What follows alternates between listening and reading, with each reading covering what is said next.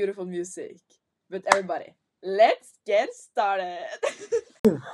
Velkommen til podkasten med Hans Staveland, prosjektet Ungdommer. I dag er målet vårt å eh, skape en forståelse eller få foreldre til å skjønne hva som skjer med ungdommer, eh, og forklare litt eh, rundt dette. Målet er da å, å fortelle litt om hvordan hjernen er oppbygd, og hvorfor ungdommer oppfører seg på de ulike måtene i ungdomstiden. Og det er da i dag eh, Mathias de Steknes som er host. Det er meg, vet du. Og så har du der meg. Det er da Trym Klippen, doktor. Eh, doktorgrad i ungdomspsykiatri og allmennmedisin. Og jeg skal ta deg da videre og svare på de her spørsmålene vi har fått fra seerne. Så det er bare å stay tuned. Ja, i, vi har fått noen eh, spørsmål her, doktor Klippen. fra... Ja bekymrede voksne, eh, og voksne som er nysgjerrige på eh, hva som skjer med ungdommene deres. Jo, ja. Det første spørsmålet vi har fått inn i dag, det er eh, Foreldrene lurer på hvordan hjernen er oppbygd, og hvordan denne utvikler seg i tenårene. Mm, ja.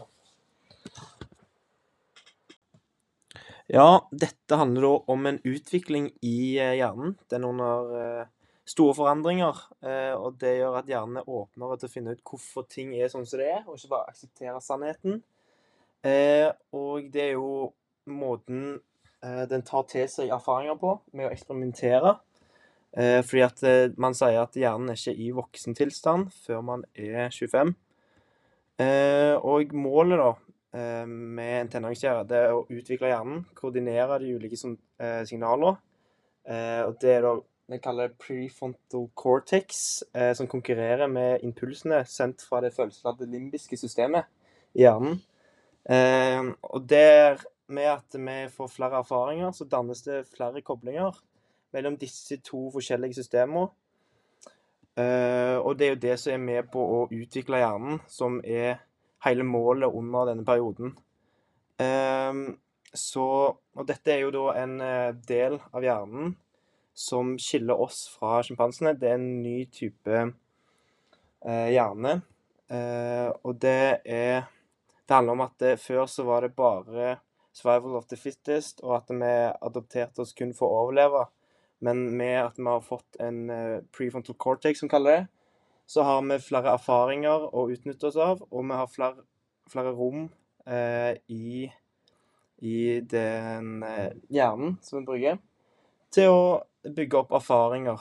Eh, og det er jo det her som skiller oss fra den gamle hjernen, som besto av kun overlevelsesfunksjoner. Eh, og det var da lillehjernen, kryptohjernen. Eh, og det var jo bare primære og livsnødvendige overlevelsesfunksjoner. Og så hadde vi òg det limbiske systemet tidligere, men det som er nytt, det er jo den prefrontal cortex, som gjør at vi kan ta og ikke bare overleve og knytte følelser, men òg reflektere i større grad. Og så utvikle flere erfaringer. Eh, det neste spørsmålet har vi fått inn fra Trine. Eh, og dette gjelder eh, om belønning. Hvordan fungerer hjernens belønningssystem? Det var et kjempeflott spørsmål. Det er ikke ofte jeg får så bra spørsmål. Belønningssystemet til hjernen det handler om at stoffet dopamin, og det er jo en signalsubstans, som vi kaller det på fagspråket. Eh, det er altså et stoff som overfører kjemiske signaler fra en nervecelle til en annen. Og mellom nervecellene, altså den overføringen der, det har vi et ord for, og det kaller vi for synapsen. Eh, dette stoffet har mye å si for belønningssystemet vårt, men det spiller òg en stor rolle når det kommer til avhengighet. Dette er grunnet at belønningssystemet vårt blir stimulert av stoffet dopamin. Høyt dopaminnivå gir en følelse av glede og velvære, som er en måte kroppen belønner seg på når han har gjort en god handling. Dette stoffet, eller hormonet, dopamin, skilles ut i hjernen og gir en følelse av behag og tilfredshet. Og dette skjer ettersom det forsterker intensiviteten av nerveimpulser inn i synapsen. Eh, Stoffet er jo en slags naturlig stimulans, som vi kan kalle det, og det gjør at hjernen holder seg aktiv. Eh, Dopamin er jo òg et stoff som hjernen bruker til å overføre signaler til belønningssystemet i hjernen. Så i den biologiske sammenhengen så vil jeg si at dopamin eh, blir frigjort, noe som gjør at eh, nervecellene i belønningssystemet vårt blir påvirka.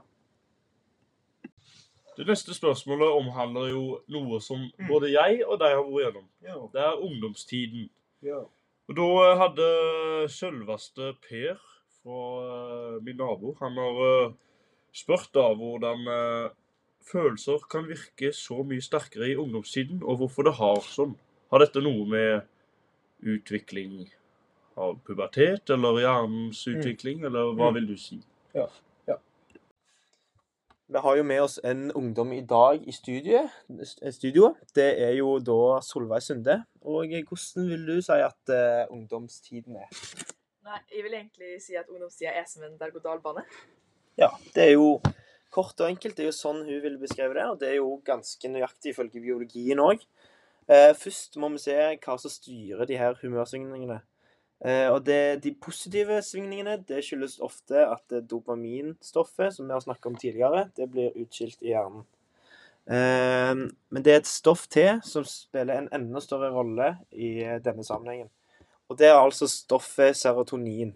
Og Det er òg en signalsubstans og et hormon som finnes i mange nervebaner.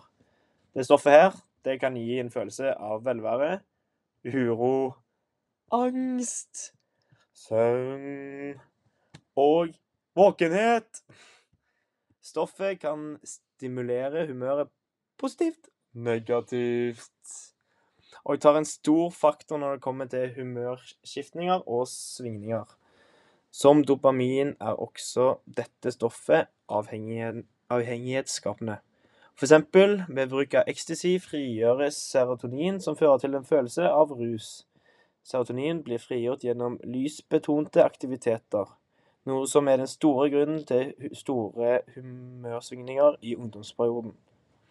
Ungdommen utsøker mange forskjellige aktiviteter for å utvikle seg, og og hjernen frigjør disse stoffene for å få individet til å fortsette med å søke disse aktivitetene. Og det handler jo om at eh, hjernen vil utvikle, utvikle seg, og da eksperimentere den.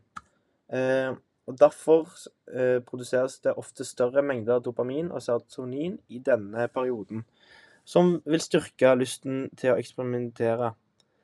Eh, og det gjør jo at eh, man vil skjønne i større grad når serotoninen reduseres, kanskje til vanlig voksent nivå.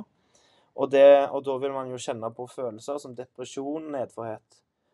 Eh, og derfor kan man si at mye av de sterke humørsvingningene i ungdomsperioden, det skyldes jo det flotte stoffet serotonin. Og det er Man kan si at humørsvingninger humørsvingningene også er store hormoni, hormonelle svingninger. Og dette har med at systemet er under utvikling. Ja, eh, jeg er også selv en eh, forelder, Mm. doktor dr. Trond. Mm. Og det jeg lurer på, er om du kan få fortelle meg om hvorfor ungdommer i større grad enn voksne utfører risikofullt atferd. Ja, det, det er et godt spørsmål. Og da har vi fått et eh, fantastisk spørsmål av eh, lytteren vår, og det skal jeg prøve å svare på nå. Eh, det at ungdommen søker å utføre risikofylt atferd eh, i større grad enn voksne, det handler mye om at hjernen er under utvikling, som vi har nevnt tidligere. Og det er jo den nye delen, eh, prefrontal cortex, som er under størst utvikling. Og den skiller oss fram fra sjimpansene. Det er denne delen her som stiller spørsmål til hvordan ting fungerer, og hva vil skje hvis jeg gjør det her, osv. Det gjør at ungdom ofte gjør mer risikofylt atferd ettersom at de tester ut forskjellige ting og lærer det. Det er jo som vi har lært sjøl, at uh, man lærer best av sine egne feil. Uh, målet med en tenåringshjerne er at den skal utvikle seg, og så kunne koordinere de forskjellige signalene som blir sendt rundt. Og det er jo de uh, Det er prefrontal cortex som konkurrerer med de impulsene som kommer fra det følelsesladde limbiske systemet, som er fra tidligere sjimpansehjernen vår. Og det dannes altså, altså da flere koblinger mellom de forskjellige systemene. Eh, og det er mange tusenvis av forskjellige forbindelser i hjernelappen som utvikler seg idet en begynner å forstå mer. Så det er jo at vi har fått en ny hjerne eh, fra tidligere eh, tidsrom, tidsperiode. Eh, og det gjør jo at vi har fått plass til å utvikle den og ta til oss mye mer eh, kunnskap. Og det, for å utvikle den, så må man jo få erfaringer, og det er jo med å teste ut ting. Og det og den driven for å få kroppen til å teste ut de forskjellige tinga, det er jo mange av de der hormonelle svingningene eh, som vi får med eh, dopamin og serotonin.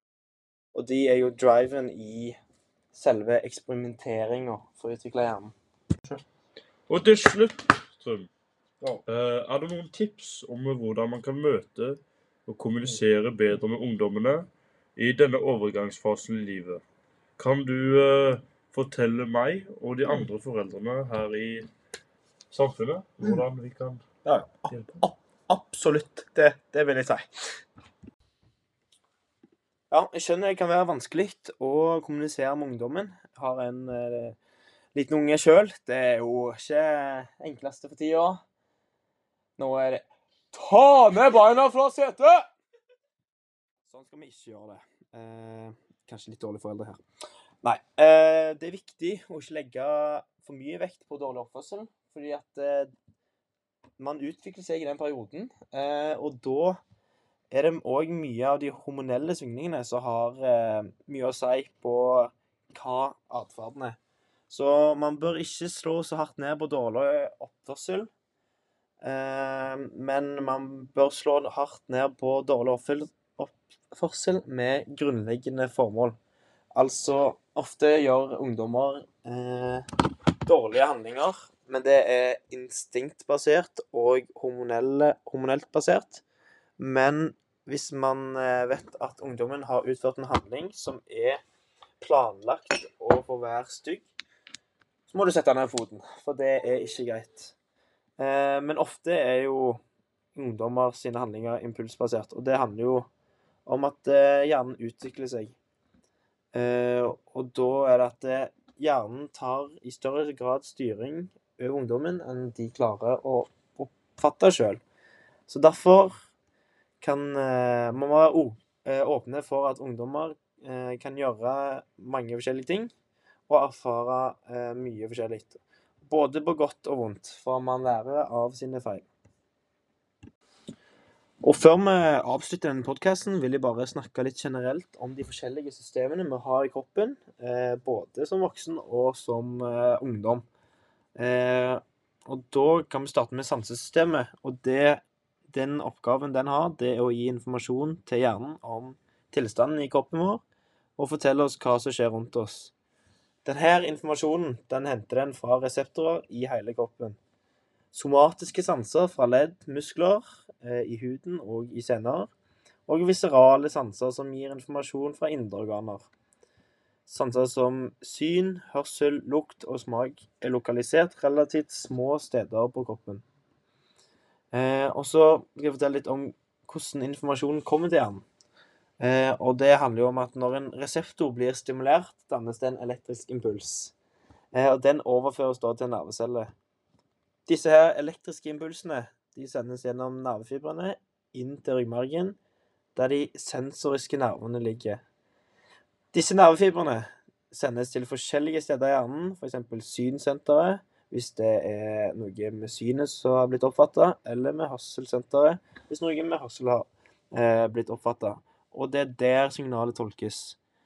Eh, og man kan få flere sansestimuli fra ett enkelt organ. F.eks. hvis man eh, har en berøring, kan man få informasjon om berøringa, altså selve berøringa, trykket, temperaturen og smerte. Eh, så kan vi gå over til det eh, hormonsystemet vårt. Og eh, det er da hypofysen som er store stjerner i det showet her, for å si det sånn. Hypofysen er et kontrollsenter for hormonene i kroppen. Og det ligger bak øynene og under hjernen. Den bestemmer seg når det er på tide å produsere et hormon. Forlikkel, Follikkel, stimulerende hormon og lutiminiserende hormon er det eh, hypofysen produserer. Hormonene sendes fra hypofysen med, med blodet ned til kjønnsorganet og starter hormonproduksjonen. Eh, og det er jo hormon som blir kalt for testosteron og østrogen. Og det kan også dannes i bi, binyrebarken. Altså, så hypofysen, sender et signalhormon, kan vi kalle det. Og det starter den hormonelle produksjonen i, eh, i kroppen som ligger lenger nede i systemet. Det er egentlig det jeg har å si i dag. En liten fun fact at eh, når man har kjærlighetssorg, så kan man være deprimert, men det er bare belønningssystemet som blir tatt fra en. Takk for meg. Hyggelig. Yes, takk for besøket, doktor Trum. Eh, var så- hyggelig. Setter stor pris på at du kan hjelpe oss i eh, denne tiden med ungdommene våre. Og eh, hjelpe oss hvordan vi skal håndtere situasjonen. Jo, det er bare hyggelig. Så Dele litt kunnskap med dere, folket. takk for at eh, dere seere, eller hørere, høhø, hørte på oss i dag i dagens podkast om ungdommer. Så da, da, da, da tales vi, rett og slett. Hei, Hei, hei! Hei!